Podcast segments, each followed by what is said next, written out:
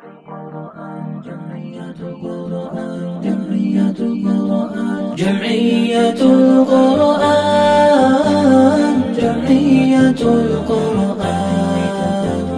جمعية القرآن جمعية القرآن جمعية القرآن جمعية القرآن.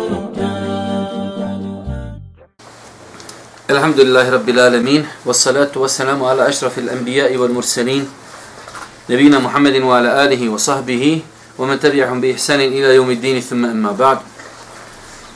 Doista svaka zahvala pripada našim gospodaru, Allahu subhanahu wa ta'ala, salavat, mir i selam na Allahu poslanika, alihi selam, njegov poroč, njegove uzvrte, ashabi se ljude koji slijede put istinu sudnjega dana.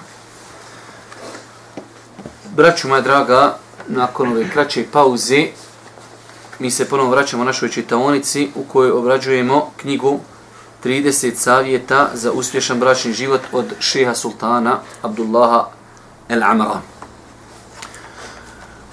Koliko sjećam da je ovo naše četvrto druženje u kojem čitam ovu knjigu, pa da bi što više obradili, večeras imamo u planu neki pet savjeta pročitati, a to je poprilično onaj dosta materijala, pa da pređemo odmah na stvar.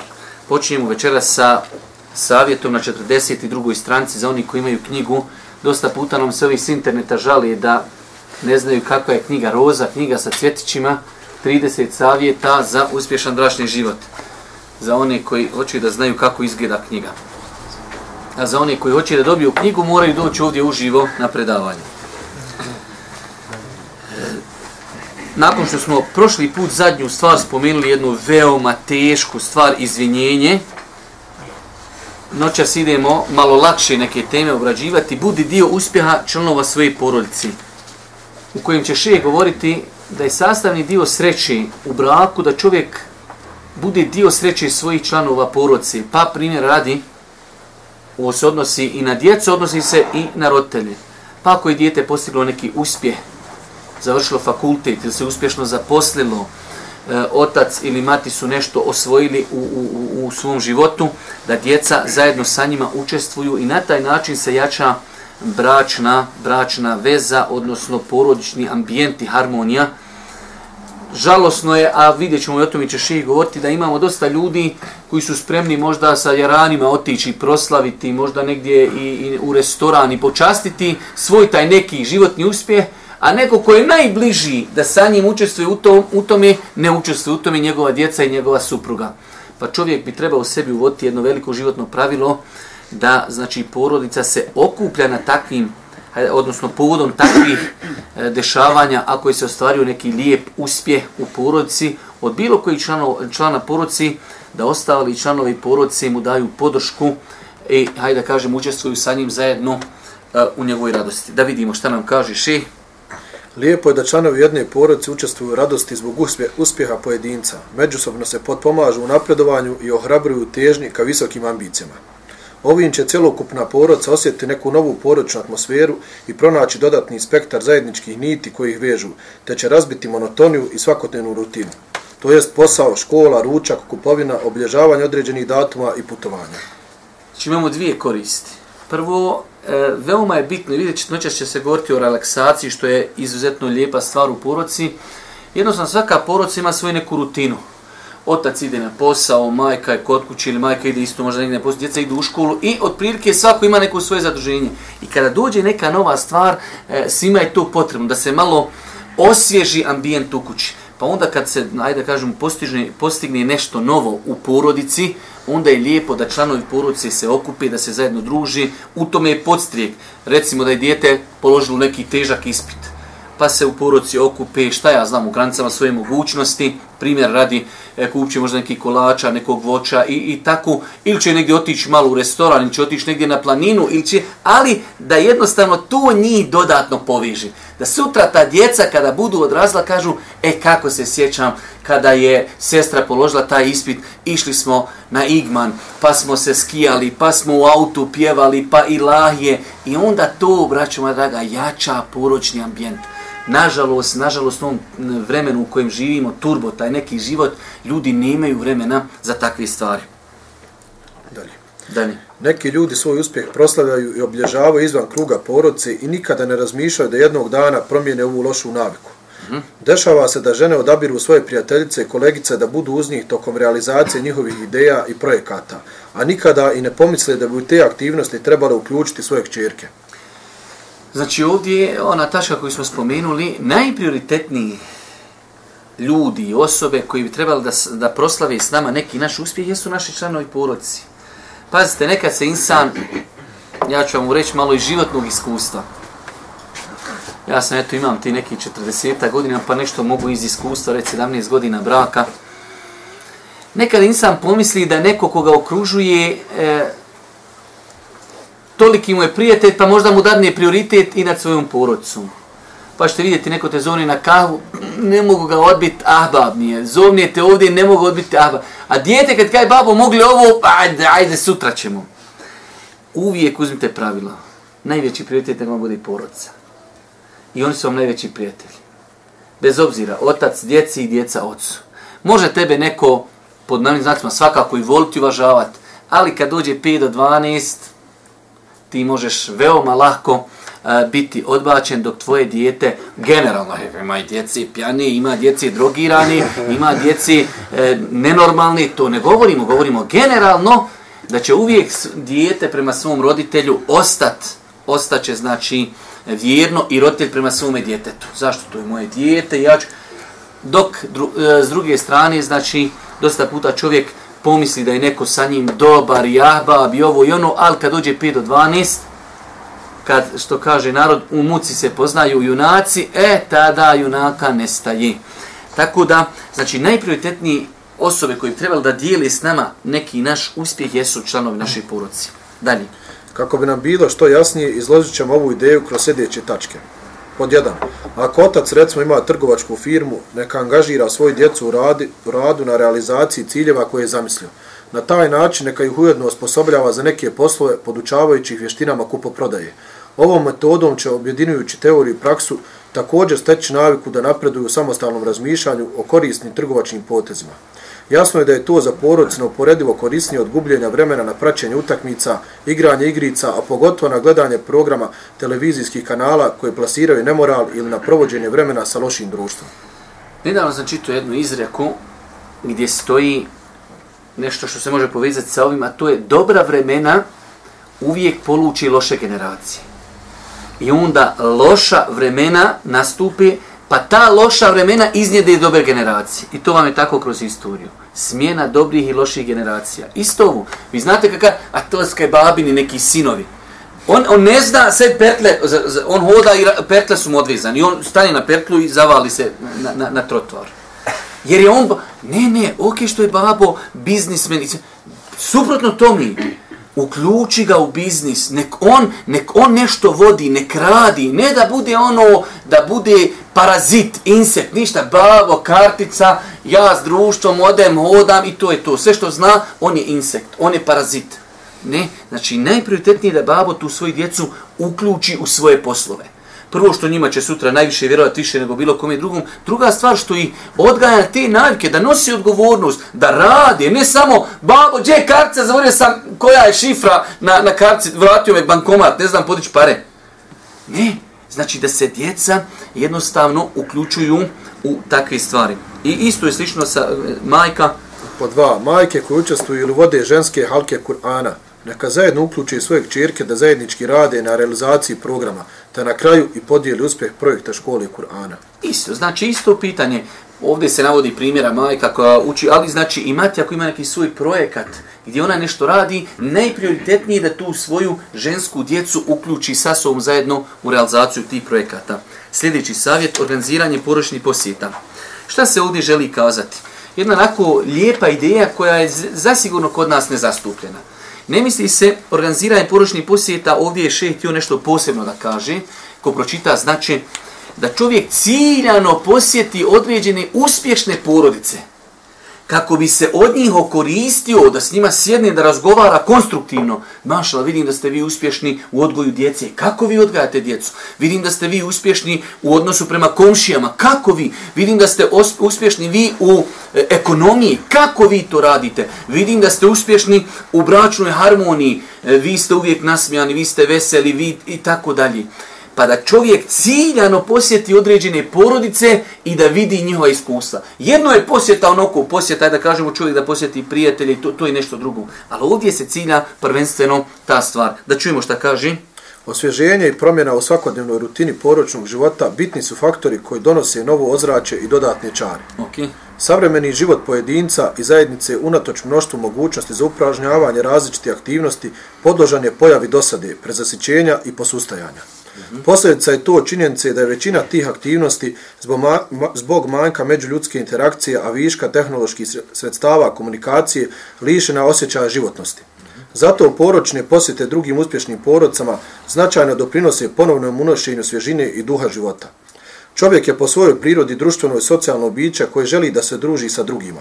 Iz takvih susreta i druženja trebali smo se okoristiti, da se okoristimo, razmijenimo iskustva i znanja, što bi doprinijelo uspješnoj organizaciji poročnog života. Okay. U cilju što kvalitetnijeg raspoređivanja vremena za druženja i što veće koristi od njih daćemo nekoliko praktičnih smjernica. Prva stvar.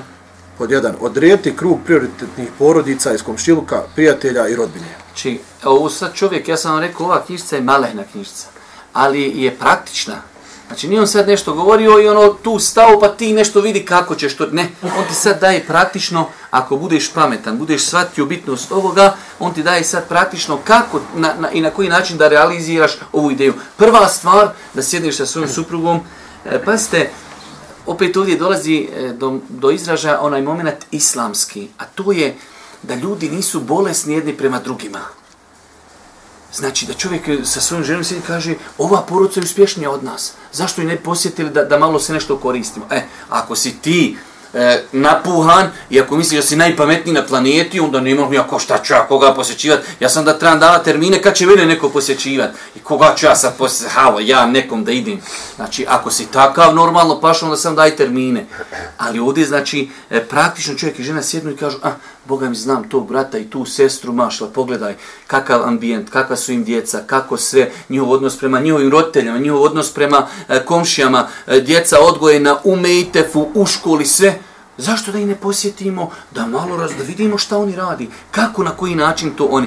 E, prva tačka je, hajmo sjesti i hajmo definisati takve porodce. Među prijateljima, među rodbinom, među komšijama. A, imamo jednu komšiju, uspješan čovjek, porodica, tako da. Imamo jednog prijatelja, imamo jednog rođaka. Definisa, prva stvar definišemo i, a, ajde da kažemo, lociramo te porodice. Broj dva. Planirati redoslijed posjeta tim porodicama. Ok. Po tri, pokušati iskoristiti te posjete u cilju postizanja odgojnih ciljeva. Ovo je bitno. Znači, ne samo da čovjek ode, aha, popili kafu, vratili se ili šta ja znam, a kika, najel se mesa, podrignuo se, idem kući. Da odim da razgovaram konstruktivno, imam problem s djetetom. Kako vaše uči moje neće da si kruh od igrica da se pomakni? Kako vi ovo, kako ovo, kako? Razgovor, da vidiš, Nisu oni ne žive ko ninja kornjače turabijeve na, na drugoj planeti. Znači, slična je planeta, slične su okolnosti, ista, isti je grad. E, da vidim kako vi to postižete. Možda nećemo moći preslikati sve sto posto. Možda u njih roditelji prakticiraju vjeru, tvoji roditelji ne prakticiraju. Odmah je to različito. Možda oni imaju posao, ti nimaš posao. Možda u njih djeca hodaju na nogama, u tebe na glavi hodaju. E ok, ali može se mnogo toga iskoristiti mnogo, mnogo toga se može preslikati i, hajde da kažemo, čuti. Dobro, dalje. Po četiri, biti na distanci od porodica kod kojih preovladava pesimizam u stavovima, koje samo iznose probleme i razilaženja, pričaju o zavisti, uroku, sihru, razvodima, brakova i drugim temama koje negativno utječu na pozitivni životni tok. Ovo, znači, svi znamo. Imate ljudi kad odeš kod njega, kad odeš, iman ti bio na 98, dođeš na 30 je dole, skruj spao ti imam. te, šušni, nešto te strava, evo ga, ovo je urok, sihar, puci ti počneš se češat, sve nešto, tvrgice ti skakaju, zato što u njih je sve nešto napijeto, sve je u, u njih, svi su im zavidni, svim, u njih svaki dan pred vratima neka jaja, neki zapisi, hamađe, ko šta digne, u njega je puno hamalija, svi ga mrzi, svi mu zavide, u, biži Allah, ti hajde bolan. Znači, a imate takvi ljudi, on bi najambicioznijeg čovjeka za dva dana, on bi od njega napravio mejita. Ovaj bi rekao, halo, predaj, umiri. Imate takvi ljudi, on ne vidi, njega veneš sad ovu sobu, eno gore rada. Vi što je sve bijelo, jok, rada, samo radu gore vidi. Eno gore kapa voda. A vi ovo sve knjige fine, ne, ne, ništa, ne vidi, samo eno gore kapa. On znači u toliko pozitivnosti, on sam vidi tačku negativnosti. O taki Allah najbolje zna, najbolje malo na distancu. Gdje je sela malih Bajrabara, će lala razvola i to je to. Savjet broj tri, priskočili ste dva savjeta, šta ćemo vam? Ali evo, hajde. Ma evo sam dok nam zatvori vrata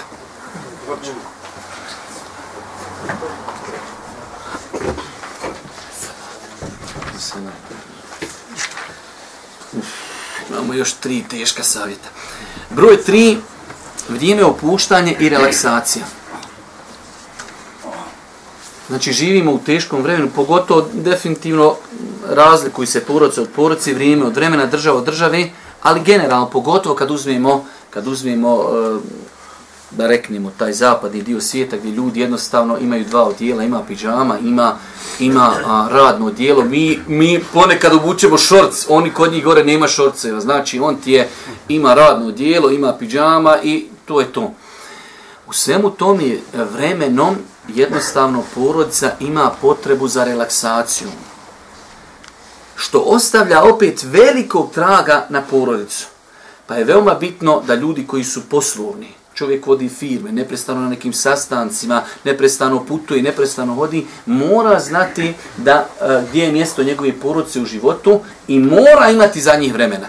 Jer pazite, ja znam osoba, čovjek trči, trči, trči, trči, trči, trči i stigo je nešto dunjalka, ali izgubi ženu i djecu. I onda pašam kaže, izgubio sam najbitnije stvari u životu. Ali gotovo. Znate kako? Kad, kad je onaj, kad je onaj, onaj, kako se zove, šta je bilo, magare, majmu, nemam pojma, šta je, učio ga da ne jede, ne jede, ne jede, ne jede, kad film, kad se ga naučio crku. E, to ti je to. Ti učiš svoj port samo da ste, kaj, još malo vam fali do 8 miliona, kad 8 miliona ima dnimo, tada ćemo, ako Bog da otiš na kolače u kup. Vaša, pala berza, ti spao na sedam, pa na guli, na guli, na guli, opet pala berza, pa uložio sam vam, ti dobio 8 miliona, crkla žena, crkla dica, kaj ajmo na kolače, nosi, čači, nosi, kom je hoćeš, paša, više nama nije do kolača. Ako su ima, ako ima tu, ako nisu ošli u obdanište, ako nisu u zatvoru, ako nisu u kapi domu, ako se žena nije udala na Facebooku za drugog, sve je to ošlo. Pa insan treba da zna, znači, e, da, da u islamu imaju pravo žena, tijelo, porodica, egzistencija i tako dalje. Zato je Boži poslanik postavljeno veliko pravilo. Li kulli vi haqqin haqqahu, wa a'ti kulli vi haqqin haqqahu. Da ni svako njegovo pravo.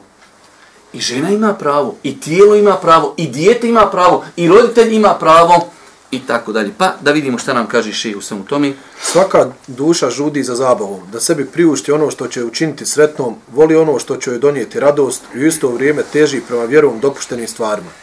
Šarija tobulije tekstovima koji pozivaju da se dušama priušti, priušti ono što će relaksirati i da se čini ono što je vjerovom dopušteno. Evo nekih primjera za to. Imamo ovdje jednu veoma interesantnu stvar, a to je da čovjek uvijek u životu pokuša biti u sredini imate ljudi koji ne znaju šta je relaksacija.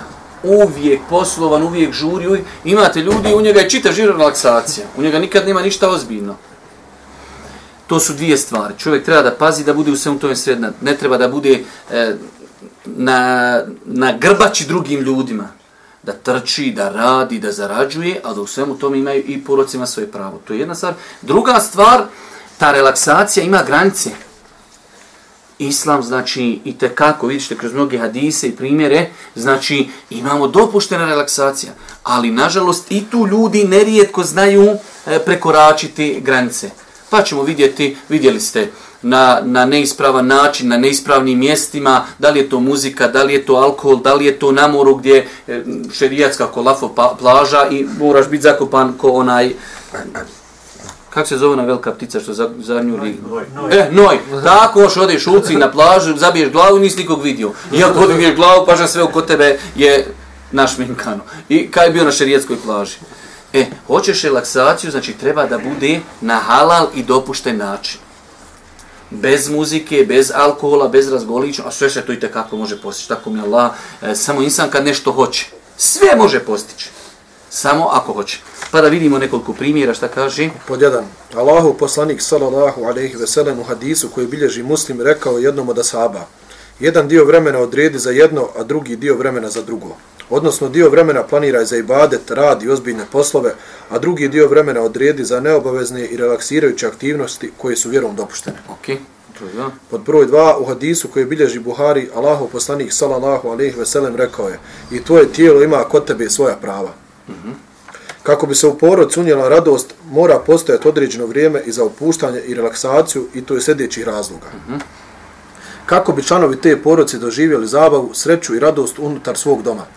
Pazite, znači, imate ljudi, svi mi to znamo u svom nekom komšilku, a možda smo i mi takvi, gdje djeca ne znaju za nešto da je njihov otac je s njima poigro lopti, da je se sa njima negdje igrao neke igre, e, naš, nasmijao, našalio, naškaklio i nešto im napravio. Neko. Ne, znači, babo je nedodiriv, ne možeš, babo je znači u kravati, on sjedi i koči, jednostavno piše, zauzete sastanci, znači, to jača brać, e, poručnu harmoniju da djeca se druže sa svojim ocem, da se druže sa svojom majkom, pa da se i našali, pa da se i poigraju, pa da se i natječu i svašta nešto.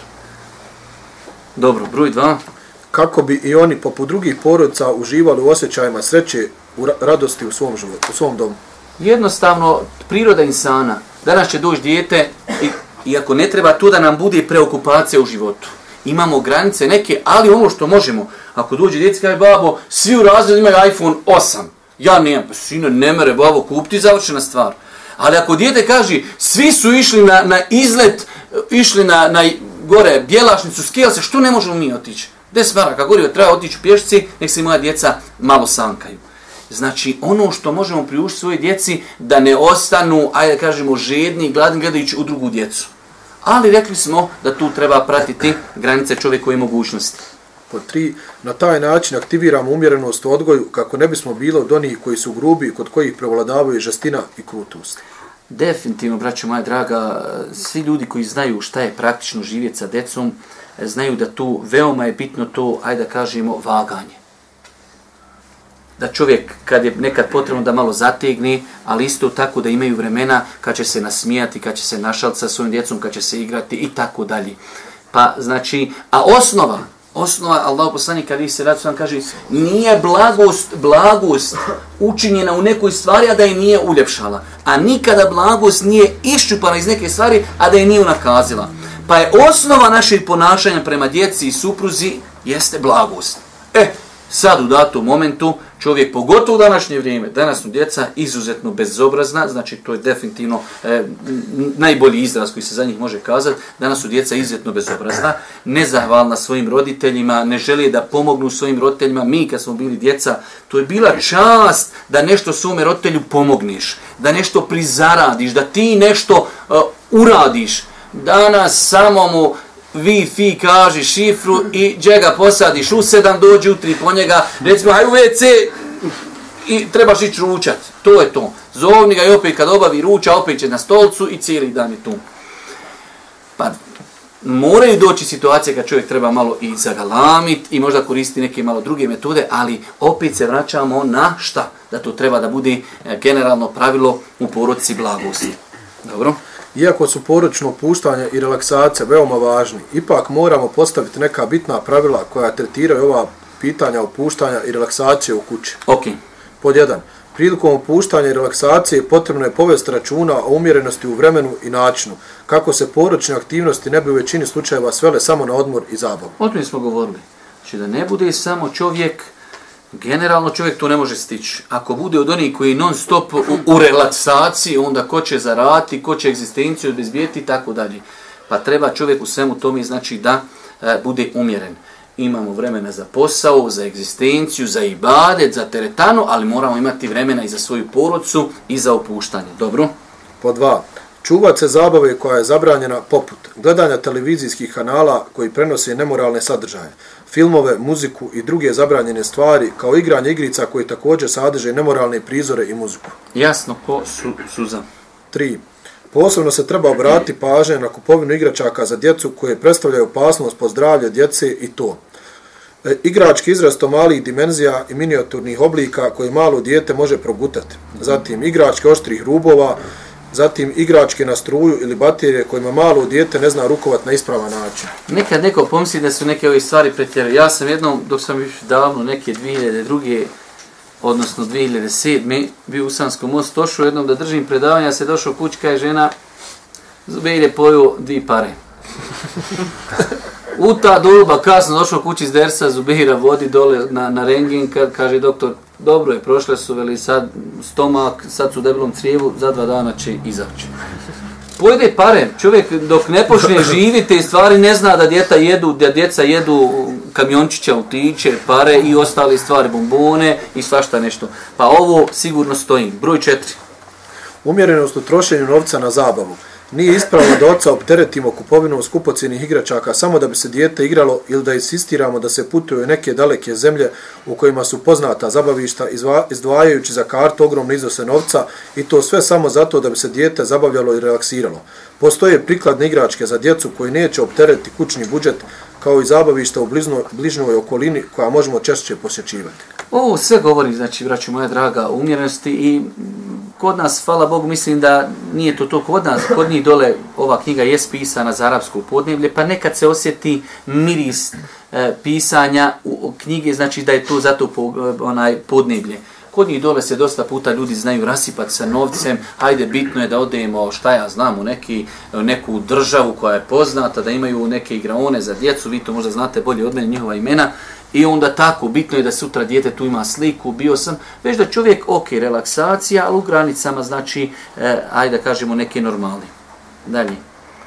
Neophodno je da se supruga uključi u davanje prijedloga kako i gdje provesti period poročnog odmora, ne opterećujući muža ogromnim troškoma putovanja, a što bi on morao odbiti usprkos nezadovoljstvu supruge i djece, kako ne bi došlo u pitanje pokrivanje prioritetnih troškova, poput plaćanja stanarne, vraćanja kredita i sl. Ovo sve ide u tom pravcu, sve ove taške govore umjerenost, umjerenost. Nažalost, danas vidimo nekad ljudi, E, čovjek je spreman samo da bi bio u nekom trendu, da kad sjedne negdje popit kafu, da izvadi novi mobitel, on, on će spreman, sutra mora plat kiriju, nije platio kiriju, nije platio struju, došle mu zatazne kamate, ovo, ono, sve neka, samo je bitno da ja imam novi mobitel. Pa insan treba i tako kad je u pitanju relaksacija. Ok, trebam relaksacija, ali ne može ta relaksacija biti na račun, idemo nešto kup djeci neke igračke, sutra treba platiti kiriju, nisam i platio. Pa čovjek znači u granicama svoje mogućnosti, ok, djeca nek imaju neke igračke, da se opuste, paku i odmor u pitanju i svašta nešto, ali da to bude sve u granicama. Po čest, putovanje ima svoju pozitivnu ulogu u relaksaciji, odmoru porodice i zahtjeva da mu se priđe na ozbiljan način, ozbiljan i planski način kako bi ispunilo data očekivanja i ciljeve i kako bi uistinu bilo prikladno za odmor i opuštanje svih članova jedne porodice. Putovanje je veoma interesantna stvar, ovi koji imaju porodice znaju. Znači, jedna veoma e, lijepa atmosfera je, ako čovjek to zna, e, izorganizirati putovanje. Naravno što danas kad je Allah Đelšanu olakšao putovanja putem aviona, putem auta, gdje čovjek e, putuje, kiša pada, ti u autu možeš staviti lahije, možeš znači napraviti lijep ambijent da djeca pjevaju, da se opusti. E, danas je zaista, zaista, mi živimo u velikim blagodatima i nijametima, nažalost, nekada insan toga nije ni svjestan i nekada to ne zna ispravno ni koristiti. Pa znači putovanja ostavljaju traga, lijepog traga na cijelu porodcu, ali svakako da putovanja treba da budu isplanirana, šta je cilj i tako dalje. Pod sedam. Kada se muž i žena odmaraju i relaksiraju, važno je da otklone sve ono što im može poremeti krajnji cilj tog odmora. Evo, ka primjer radi, Često korištenje mobitela i drugi uređaja u vrijeme odmora ukazuje na nepoštivanje poročnog dragocjenog vremena. odeš na, na odmor i cijeli dan sjediš i cijeli dan dopisuješ se s ljudima. Jednostavno, to je vrijeme za porodicu. Jest teško, ja znam da je svima nama se teško odvojiti od mobitela danas, ali čovjek treba jednostavno sebi postaviti neka pravila u životu. Sada sam s porodicom, ok, mogu se javiti nekom i na poziv, ali znači imam vrijeme za porodicu, želim da se opustim, želim da, da posvetim svoju pažnju svojoj djeci. Rekao sam ja dosta puta i nažalost veoma je teško naći nekoga ko, ko se tu e, ispravno postavi. Svi mi, lakše nam je puno odbiti svoje dijete i svoju suprugu za njihov neki e, zatjev, dok neko te nazove, možeš li doći na kafu, možeš li ovo, možeš li pomoć, eto me. Dok kad žena i djeca traži, ono, pa, svoji smo, razumijemo se, razumijemo se jednom, dva put, tri put, pet puta, deset puta i onda ti ispadnu da su ti drugi ljudi prioritetni od tvoje poruci. Pa insan treba, znači, se potruti, ok, evo, primjer radi, otišao sam jedan dan sa svojom djecom na Igman Taj dan, brate, mobitel, isključiš ako ništa zvonce, dođeš povremeno, nakon sat trena pogledaš, propušteni 10 poziva, aha, Haso zvao na Kiko, ovaj zvao ondje, a, mama zvala. Mama šta je? Ok. I završe, zvao poslovođa, zvao kolega, neki bitno, javiš se i opet isključiš i ideš sa djecom taj dan, provodiš vrijeme, da li igrajući futbala, da li odbojke, da li pravići šatore, strele, vozeći bicikla, ali znači bitno je da si taj dan posvetio svoje djeci. I vjerujte, ja evo iz ličnog nekog iskustva znam koliko to ostavlja traga na djecu. Koliko to ostavlja pozitivnog traga na djecu i koliko to ostavlja pozitivnog traga na jačanje veza e, između članova porodici. Pazite, kad se, ovo je veoma bitna stvar, vidite gore zapad, kod njih više ne postoji što se zove porodica. Kad se izgubi ljubav u porodici, kad se izgubi povjerenje, kad se izgubi e, znači emocije, gotovo, ta porodica više završena stvar. Kad dijete nema ljubav da sa svojim ocem i majkom ode u planinu, kad nema želju da sa njima prošeta, da odu se negdje natjecat, završeno, znači gotovo je to stvar. Ta porodica je više, a, ajde da kažemo, izgubila svoj, svoj smisao. Pa je veoma bitno da čovjek pazi na ove stvari. Dalje, Fotografisanje svakog detalja na putovanju ili svakog trenutka zabave i odmora, te postranje tih fotografija na društvene mreže, stvorilo je problem mnogim porodcama, vezano za urok i zavidnost. Kako li je samo lijepo da poročne trenutke sreće zadržimo samo za sebe? Ovo je, ja sam, vjerujem da vi koji ste, pratite moj Facebook profil, ja sam ovo danas, kad sam ovo čito, fasciniralo me pa sam to objavio, iako sam o tome prija nekada i pisao. Danas mi živimo u jednom stvarno čudnom vremenu. Ja sad ne bi da zauzmemo za generalan stav, ali vjerujte, znam puno porodica koji žive izuzetno loš život, katastrofalno. Ali kad uđete na njihov Facebook profil, ti bi rekao, ovo su najsretniji ljudi na planeti. Ljudi imaju potrebu da glume nekome sreću. A zapamte dobro, sretni ljudi, pravi sretni ljudi, nemaju potrebu da svoju sreću drugima pokazuju. Njemu je drago što je on sretan sa svojim porodcom i on nema potrebe da svoju sreću drugima kazuje. Čak to je može biti blagodat od Allah Đelšanu, na koju neko može biti zavidan, može ga neko prezirati tamo vam, u nekim granicama. Ovo nikako ne znači, ne isključuje čovjek sad, ne zna šta je Facebook, nikad nije objavio nigdje nikakvu sliku. Ok, sve u nekim granicama. Ako sad putujem, rećemo, iz Sarajeva do, do, do Bihaća i bit ću gore tri dana, moram li se zaustaviti u Travniku, pa na Komaru, pa dole u, u Jajcu, pa na jezerima, pa u Mrkonću, pa u Ključu, pa u, u Bihaću i u svakom gradu video, slikanje, poze, foloviće, vapi, burec, pa nema potrebe. Jednu sliku, dvije i završena stvar. Ako već i trebamo nešto. Ali vam kažem generalno pravilo. Ja ovo govorim iz ličnog iskustva, što znam dosta poruca koji žive veoma teškim životom. Ali kada odete na njihove profile, ti bi rekao, ovo je najsretnija poruca koja postoji. Zato što jednostavno taj, e, znači nepoznanje te sreći pokušavaju nadomjestiti tobe jarabi, glumeći sreću. Pa se čuvajte toga. Sreća je nešto što treba da bude, eh, ok, nije sporno da čovjek eh, nekom je pokuša poja, pojasniti kako se može biti sretan, ali to je naša sreća, poročna sreća. Tako da insan treba da postavi sebi neka pravila u životu i pa se danas više postalo više njima, nema privatnosti. Velik broj porodica nema privatnost. Mora biti privatnost. Mora porodica imati svoju privatnost. Danas imate ljudi, objavće 10 postova. Znači čovjek treba da pazi na te stvari. Problem među bračnim partnerima u periodu odmora izaziva i šutnja koja vlada među njima. Kako se ne bi izazvao osjećaj dosade, oboje bi se trebali aktivno uključiti i dati svoj doprinos da bi trenuci odmora i relaksacije bili zanimljivi i ispunjeni srećom i zadovoljstvom. Jasno koliko dan. Hoćete ići negdje na putovanje, muž ljut na ženu ili žena ljuta na muža. I sad ste ošli na, na Igman gore i sjedi čovjek, sjedi žena i pušu. Babo, aj nešto napravi strelu. Mama, ajde napravi rošti. Paša, to ti je znači, ku dođe smo, da hoće sam pođe kiša i da idemo kući. Pa je veoma bitno da ljudi, ja dosta puta znam svoje neka djeci baš to reći. Nemojte napraviti neki postupak da nam pokvariti ambijent.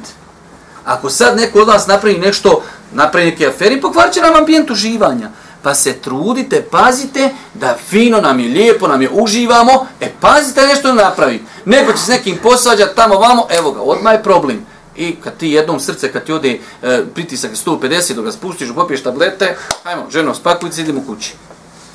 Pa je veoma bitno da, e, pogotovo to počne od roditelja, muž i žena da pazi na ambijent, da oni iniciraju, hajde da kažemo, sreću i zadovoljstvo. Dobro, šta kaže dole ova veliko pravilo?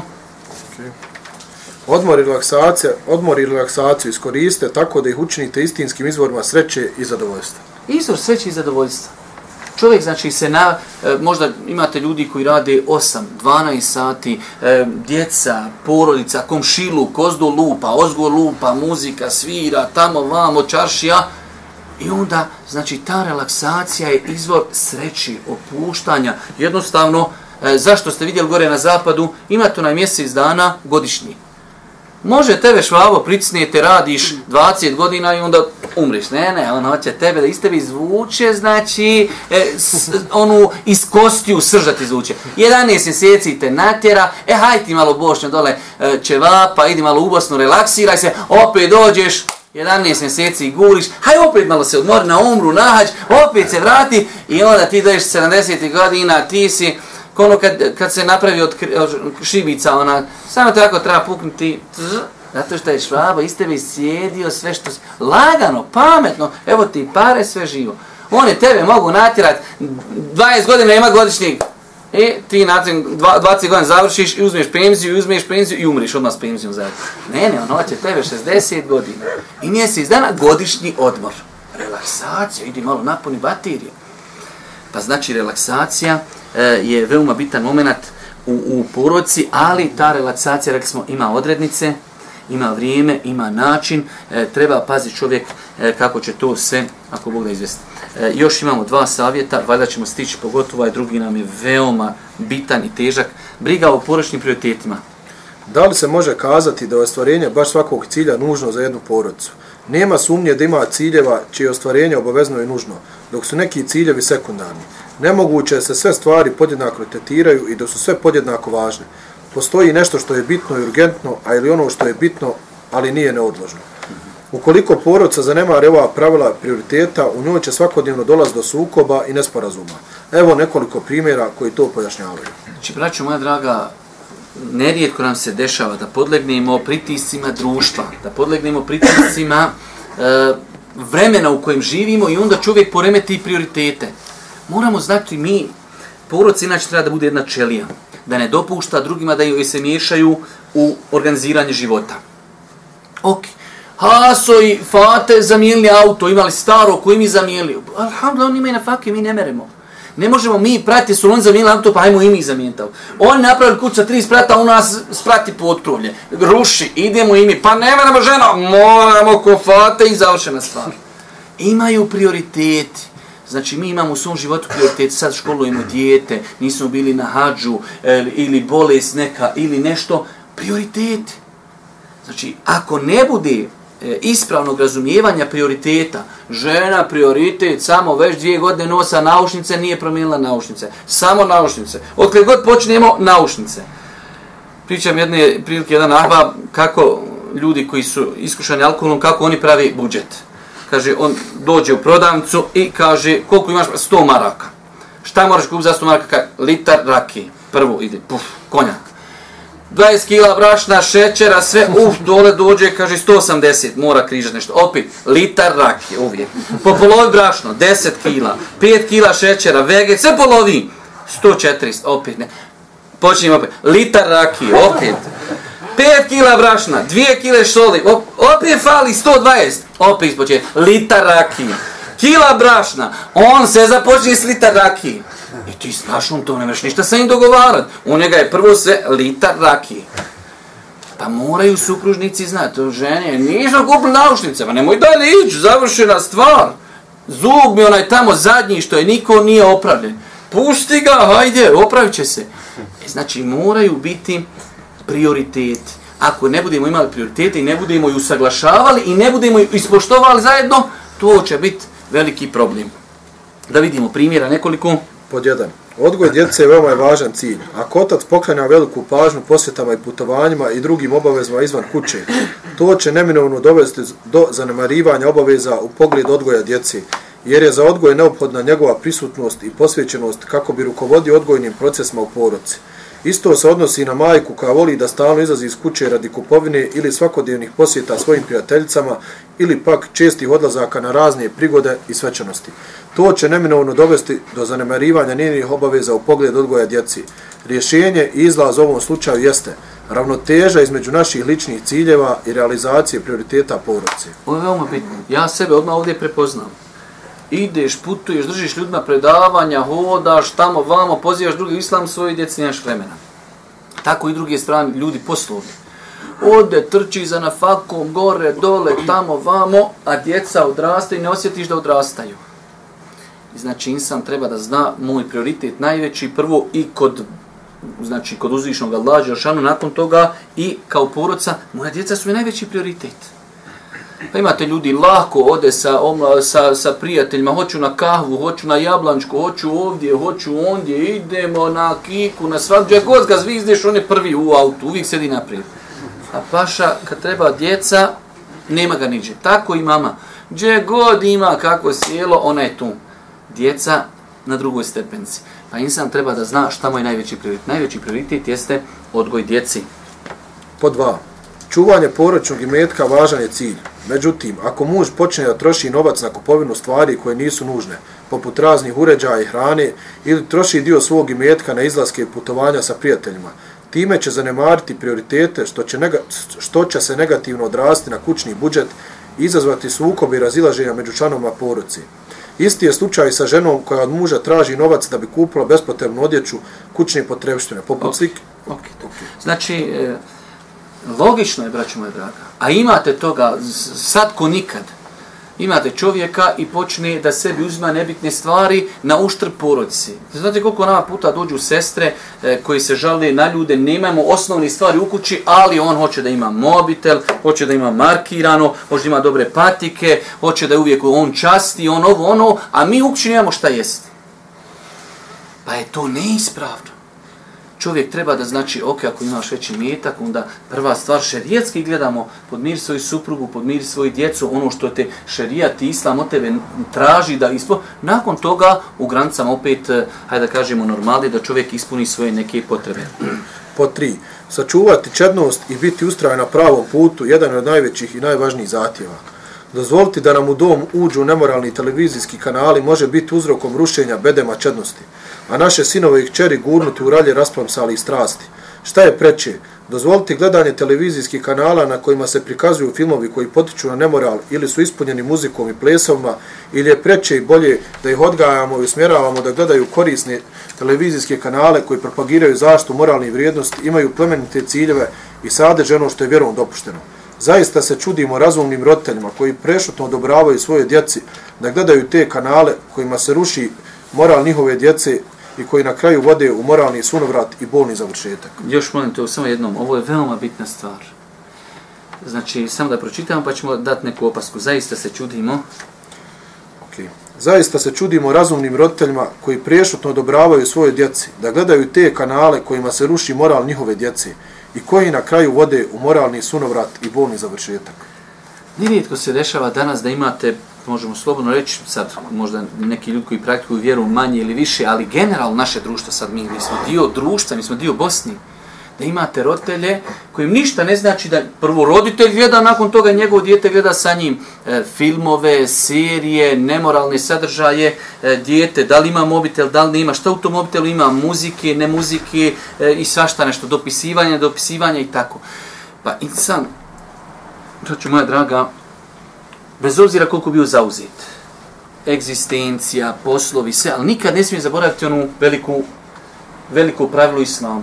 Čuvajte sebe i porodice svoje. Svi ste vi pastiri, svi ćete biti za svoje podaništvo pitanje.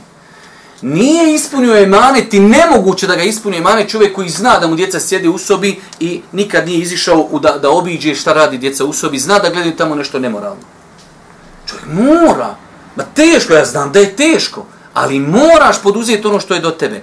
Da uđeš, da djecu pa šta gledate, to nije dobro, nema više. Jedno samo su i završen U mobitel, kako koristiš? Ne može. Ako ćeš imati mobitel, onda ga možeš koristiti na sljedeći način. U protivnom nećeš imati mobitel. Moraš uvijek to raditi. Mi imamo današnje vrijeme, djetu kupi mobitel, otac ili mati i nikad u životu ne zna šta ima u tom mobitelu. Kupi mu laptop i nikad ne zna šta djete gleda na taj laptop. Ili ima televiziju, ima 280 kanala i ne može tako. I to nam je dovelo, pogledajte, ja sam navodio nekad i smiješno, ali je zaplakat. Ja se sjećam generacija tamo neki 80. i na 90. godine, kada su ljudi, kada vide u onim starim jugoslovenskim serijama, da vidiš da se dvoje poljube i ljudi su se okretali od televizije. Danas ljudi sjedi normalno sa svojim djecom, kakve danas te si, to, to više ne gleda niko čoveče. Kakve su danas nemoralne serije. I to ljudi sjede i njihova djeca gledaju. Tako da insan treba da zna da naša odgovornost prema našoj djeci. Imamo dvije kategorije. Imamo ljudi koji zajedno gledaju sa svojim djecom. To treba govoriti prvo roditeljima, pa onda govoriti djeci. Definitivno. Imamo drugu kategoriju ljudi koji kažu ja to ne radim. To smo mi. To smo mi ovdje. Ja to ne radim, ali ne pazimo na djecu. Zato nemojte da, da sad izmišljamo neku toplu vodu. Odijete kod velikog broja naše braće na profile njihove djeci. Muzika, spotovi, filmovi, slike, snima šta nije s društvom, nargila, folovi, golovi. Pa babo, dragi, možeš ti, jel tebe, ne moraš ti ući u njega na profil preko njegove šifre. Ti uđeš na profil na Facebook da vidim šta moje djete objavljuje. Pa insan treba da zna da bez obzira kako su teška vremena, ja znam da je teško, imam ja djecu, ja nisam pao s Marsa, ja znam da je to teško, ali moraš poduzeti ono što možeš. Kada djecu svoju prepustimo samo televiziji, kada djecu prepustimo e, filmovima i serijama i kada ih prepustimo čak na kraju i školi, tada klanjaj sam sebi dženazu. Čovjek mora svoju djecu čuvati i mora i dijelimično, e, da reknemo, baš ono da ih društvo ne pojedi. Kroz filmove, kroz serije, pa na kraj krajeva i kroz školu. Školu gdje bi trebao da pošleš svoje djete, da ga neko nečemu nauči, on može samo dok sjedi u školi, ono dok sjedi na času, možda nešto malo uči, dok iziđe, to da Allah bude na pomoći. Pa insan ne smije zaboraviti ovu činjicu. E, ajmo prijeći koliko nam je sati, da, da prijeđemo na ovaj zadnji savjet. Otvorenost i pristupačnost. Čitaj. Zaista je lijepo kada u poročnim odnosima vladaju otvornost i iskrenost, jer se time postizu sreća, duševna stabilnost i smirenost. Kada u životu nedostaje otvorenosti i iskrenosti, tada se osjeća konstantna psihička napitost. Vjerujte, braću, ja sam dosta puta kad mi dođu nekad braća i sestre na konsultovanje, pa vidim da ima tu neke muljaži, ja im kažem, veoma je bitno samo iskrenost. Veoma je bitno da insan, muškarac, bude iskren prema ženi, žena prema muškarcu. Ne želiš ti to sebi, nemoj ni meni. Ne želim ja sebi nešto, nešto učiniti ni ženi veoma bitna stvar iskrenost i vi ćemo kad iskrenost u obhođenju. Da kažemo svome supružniku iskreno šta nas e, tišti e, šta nam se ne sviđa i tako dalje. Pa je iskreno vjerujte ko uspije izgrati svoju porodcu na iskrenosti postavio je jake temelje svoje porodci znači dok dođeš kući vidi žena nešto stop zaustavlja se ženo nešto nije u redu reci šta je. I obrnuto. Znači veoma je bitna iskrenost da se problemu pogleda pravo u oči. Da vidimo šta kažeš i. Pokazatelji koji govore o važnosti otvorenosti i iskrenog odnosa. Rec, da vidimo. Žena koja pati zato što njen muž stalno kasni zbog sjela sa svojim prijateljima iz mladosti, ako ne razgovara otvoreno sa svojim mužem, već odabere da trpi u tišini, ra- rizikuje da odlaže problem koji bi se mogao riješiti dok je manji, sve do dana u kojem će se dogoditi katastrofa zbog psihičkog pritiska i potisnutih osjećanja. Međutim, da je ona iskreno i učtivo i na vrijeme reagirala i otvorno sa njim porazgovarala onome što je tišti, postigla bi i sljedeće. E, tu je problem. Po toga imate danas kod nas, a kod dana pa da on samo malo više. Imate, znači, čovjek je bio 10 godina neoženjen, u smislu nije 10 godina, nije se oženio, već 10 godina je išao u školu, onda 10 godina s društvom. I on je se oženio, on ne može da shvati činjenicu, paša, rekli smo prošli put, oženio se, šta to znači? Imamo prikolcu. Nije isti onaj ko vozi samo golfa i nije isti onaj koji vozi golfa i prikolcu. A nije isti onaj koji vozi kamion, pa prikolcu i ima još jedna prikolca. Pa onaj ko je na oku i vozi golfa, ono lako. Onaj ko ima malo jednu prikolcu, on mora ovako malo zaobić, da mu se ne prikolca popela na pješake. Onaj ko ima tri prikolce, mora dobro, e, takav je insan. I Lola je naučio svaki dan pijem kafu, svaki dan ovdje, svaki dan ondje, svaki dan markirano, svaki dan e, miri se i to. Ne pa, gotovo sad. Što si se vozo, izvozo se baš. Sad si sebi doveo kod kuće šefa i to ti je. Nije ispić. Hajde, žena, čovjek jedan dan ošao, drugi dan, treći dan, četiri dan, pa vidi ona to je ta, a kaže štit nam nešto ne radi. Šećer skočio, niti ženu vodi, nalazi ti svi dobri, ko materi rođena? On je, čo, boli je glava, visok pritisak, zubi ispadaju, sve živo. Šta je njoj teško što on dolazi kasno kući, halo se udu za me ili si za njih, za koga si? Neće da mu to kaže, Lola ne zna to sam da skonta i žena žonu pošalje on nju da ona nalaze sama izvadi dobri nalaz ženo šta ti je? Ureću baja vozi je kod ukaše dole na rukju i to je to. To poslo kaže sihr urok to poslo ti si joj urok Allah te uputio. Viš da te nema cijeli dan u kući. Problem u njemu što nije ženja otvorio vrata da mu dadne savjet da mu smije reći a problem i u njoj što mu neće kazati I šta, gdje ovdje nedostaje, šta? Iskrenost, otvorenost. Ne iskrenost, kog otvorenost. Halo, zaključajmo vrata, sjedi. 1, 2, 3, 4, 5. Mora se, znači, razgovarati o problemima. Da vidimo, kaže, šta bi ona postigla time? Pod jedan, pojasna bi mužu situaciju u kojoj se nalazi, jer neki muževi nisu ni svjesni koliko su njihova pažnja i fizička prisutnost potrebni njihovim suprugama. Znate, ljudi, on je odrastao tako, on ne zna šta, šta je, on jednostavno odrastao je s muškim, on ne zna šta je žensko, ne zna kakav je to mentalni sklop. Koliko je ženi potrebno da bude i čovjek od njih.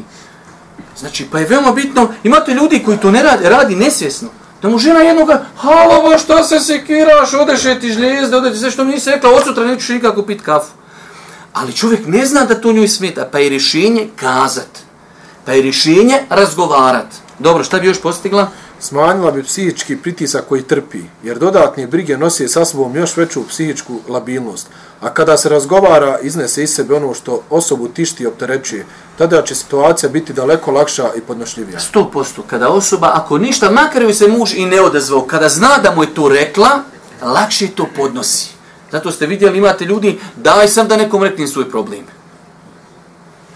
Pa je veoma bitno, znači, postiće osoba sigurno psihičko rastrećenje onog momenta kada iznese svoj problem svojem mužu. Dobro, neki muževi, Neki muževi primećuju da njihove supruge ne izvršavaju svoje obaveze, ali im to ne žele otvoreno kazati, nego se odlučuju da trpe i prikriju u sebi. Nekada im indirektno na to pokušaju kazati što supruge ne svate, pa kada se u srcu nagomilaju nezadovoljstvo i prezir zbog nemara supruge i njenog zapostavljanja obaveza, dolazi do problema kojima nema kraja.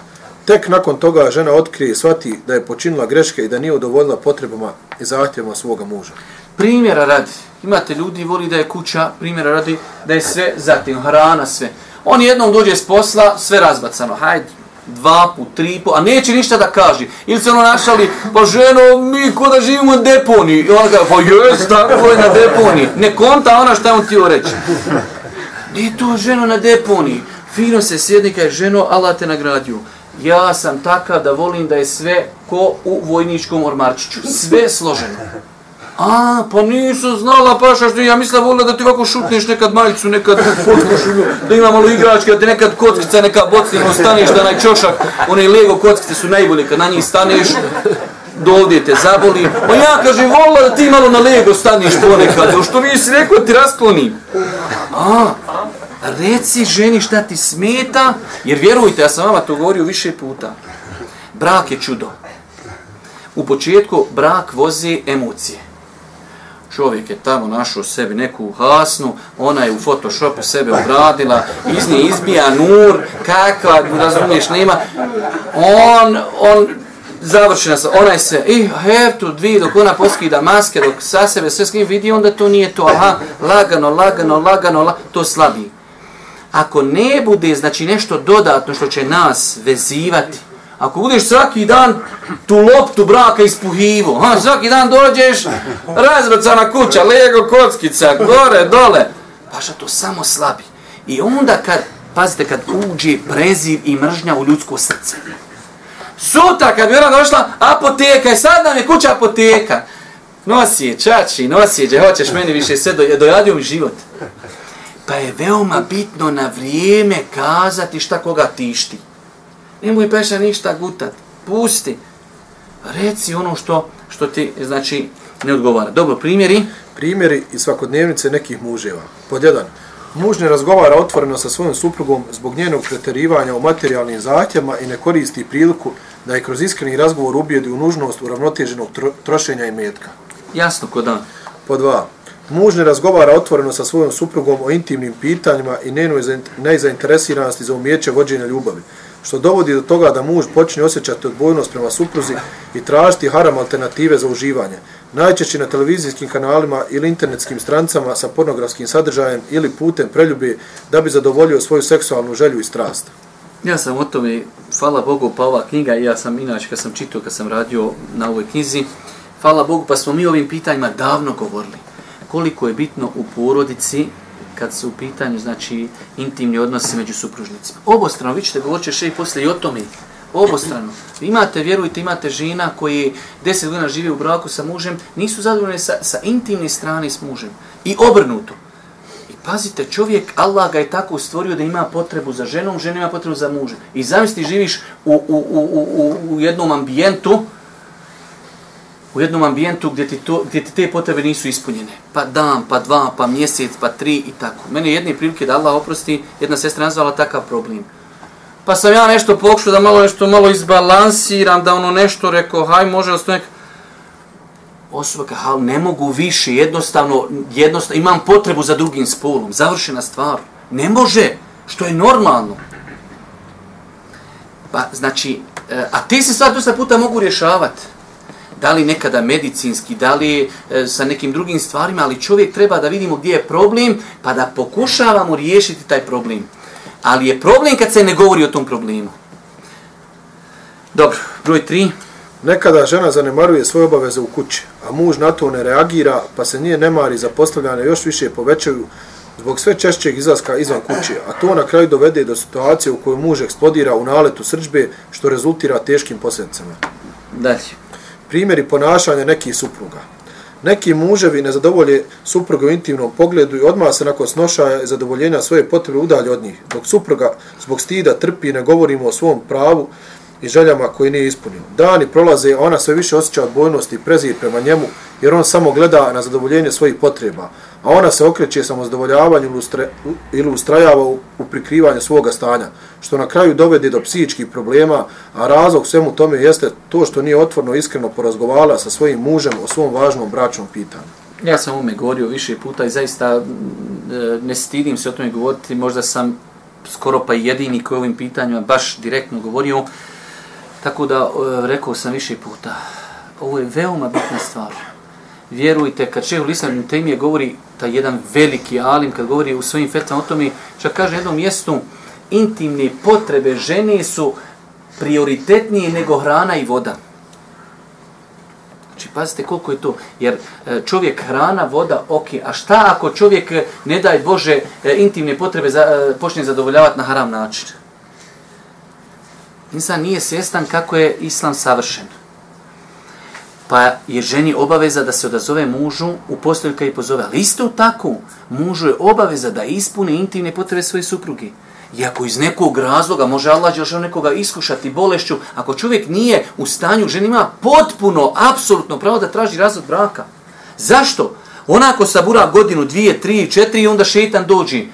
Filmovi, serije, pa ne daj Bože kontakt s muškarcima, pa ne daj Bože blud. Pa islam tije stvari reži, ok, ako čovjek nije u stanju da zadovolji žene intimne potrebe, razvod braka i završena stvar.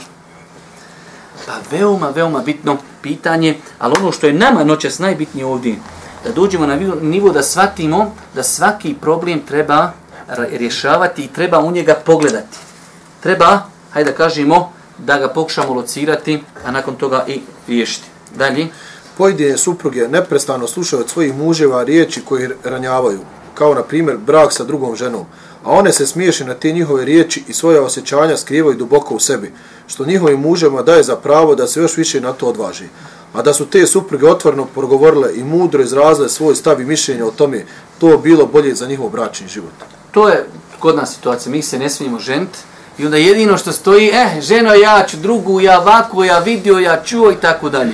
E, žena sad, ako je nako malo, ono, onako hrabro, pa haj, nahaj, na, ti jedan dan rekneš, boli je kičma, drugi dan bubre, treći dan štita, žlijezda, sutra pritisak, preko šećer i tako dalje.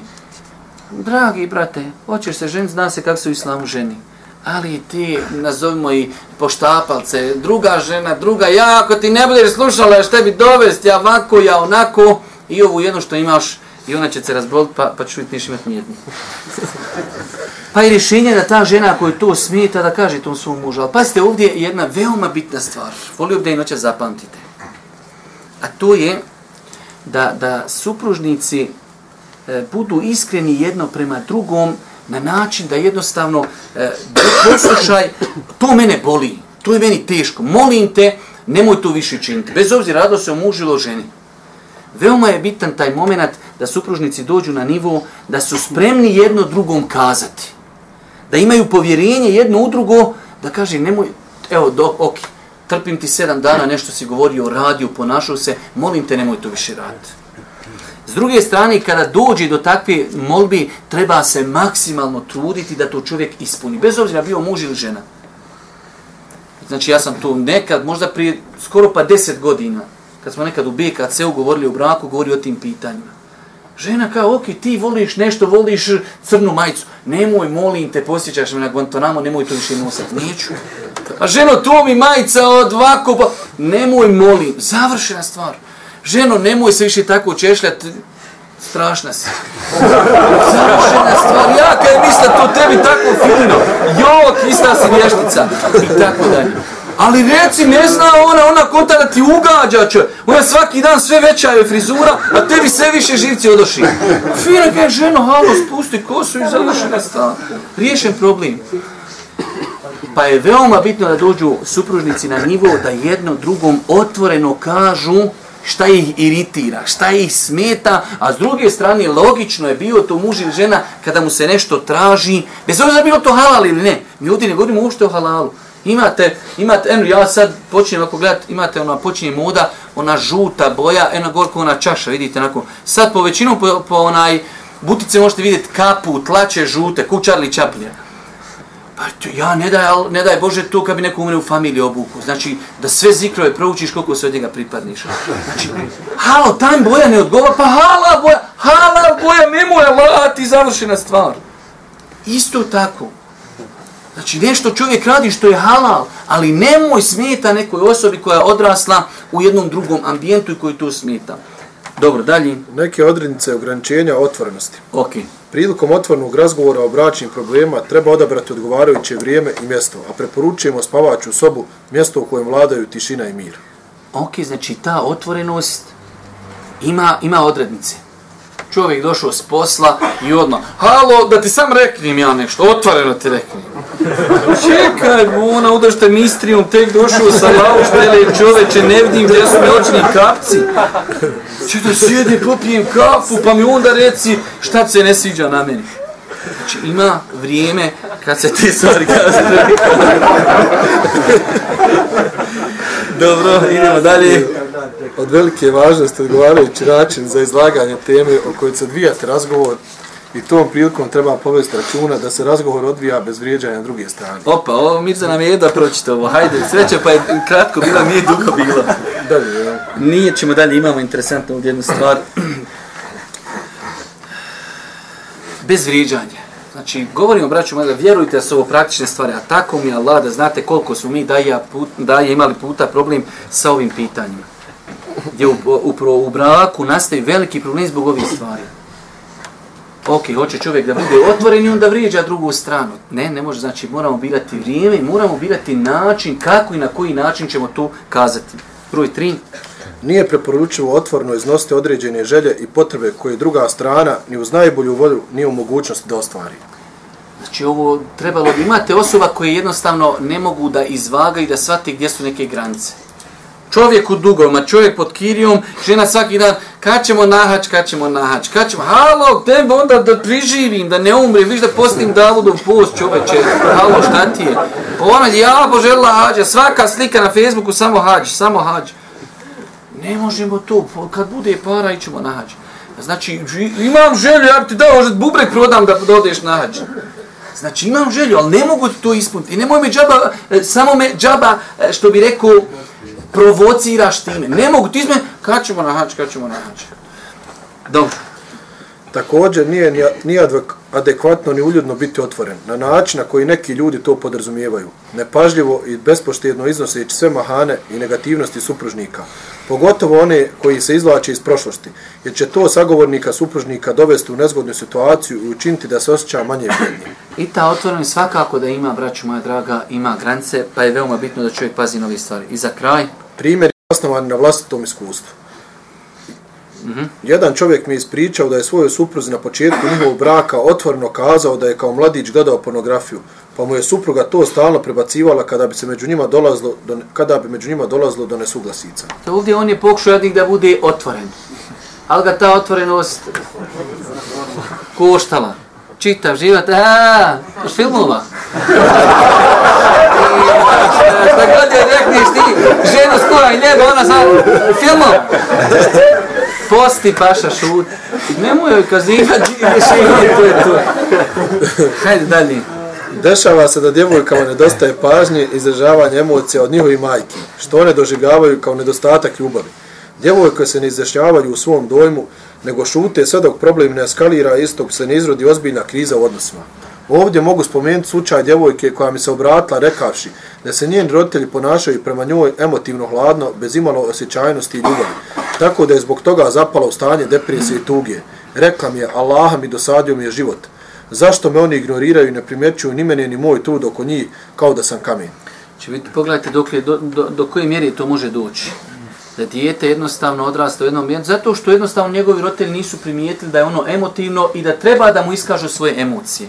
A da je to dijete nekada to svojim roditeljima reklo, pa znate šta je, kako vi to ne primjećujete, stvarno ste, možda bi se oni, ajde da kažemo, pokrenuli, ako ništa, ono malo vještački, ali čisto da to pokušaju nadomjestiti. Ali roditelji možda ni krivi, ni dužni, dijete očekuje od njih neke emocije, tako da insan, pa opet ovo še navodi ovdje samo kao e, problem nepostojanja otvorenosti. Ovdje navodi ovaj problem ove djevojke zato što ona to nije rekla. Zato što nije iznijela i onda jednostavno ne možeš očekivati da neko riješi tvoj problem, a ne zna da postoji problem. Dobro? Kada, ne, kada kod nekih mladića nastupe prvi znakovi puberteta, osjete neke potrebe i želje koje diktira njihova priroda, tada nužno moraju biti otvoren u razgovor sa svojim očevima ili majkama koji će ih podržati i nastojati udovoljiti njihovim željama na prihvatljiv i odgojno pozitivan način. Pravilo na kraju? Ne plašite se otvornosti, jer možda će upravo ona biti početak vaše sreće. Vidite, ne plašite se otvorenosti. Na dosta puta ljudi, šta ako reknem? Ne plaši se otvorenosti, to može biti početak tvoje sreće. Kako? Imao si primjer, radi supružnika, muž ili žena, uvijek oba slučaja. Radi nešto što svaki danom uzrokuje da ljubav prema njemu slabi. Pa kad mu to ukažeš, on se popravi, od sutra počinje nova sreća. Pa je veoma bitno znači da čovjek bude otvoren, da se toga ne boji, pod uvjetima, rekli smo kako na lijep način da to kaže, ali to može biti početak nove sreći. Molim Allah Žešan da nas učesti na putu istini, molim nas Subhanu Atala, budem milosti na svodnje danu. Vidimo se inša sljedeći četvrtak, a onda nakon tog četvrta bi mogla biti neka pauza, ali sljedeći četvrtak se inša Allah vidimo. Subhanak Allahumma hamdike, ešhedu en la ilaha ilan astaghfiruke wa etubu ilike.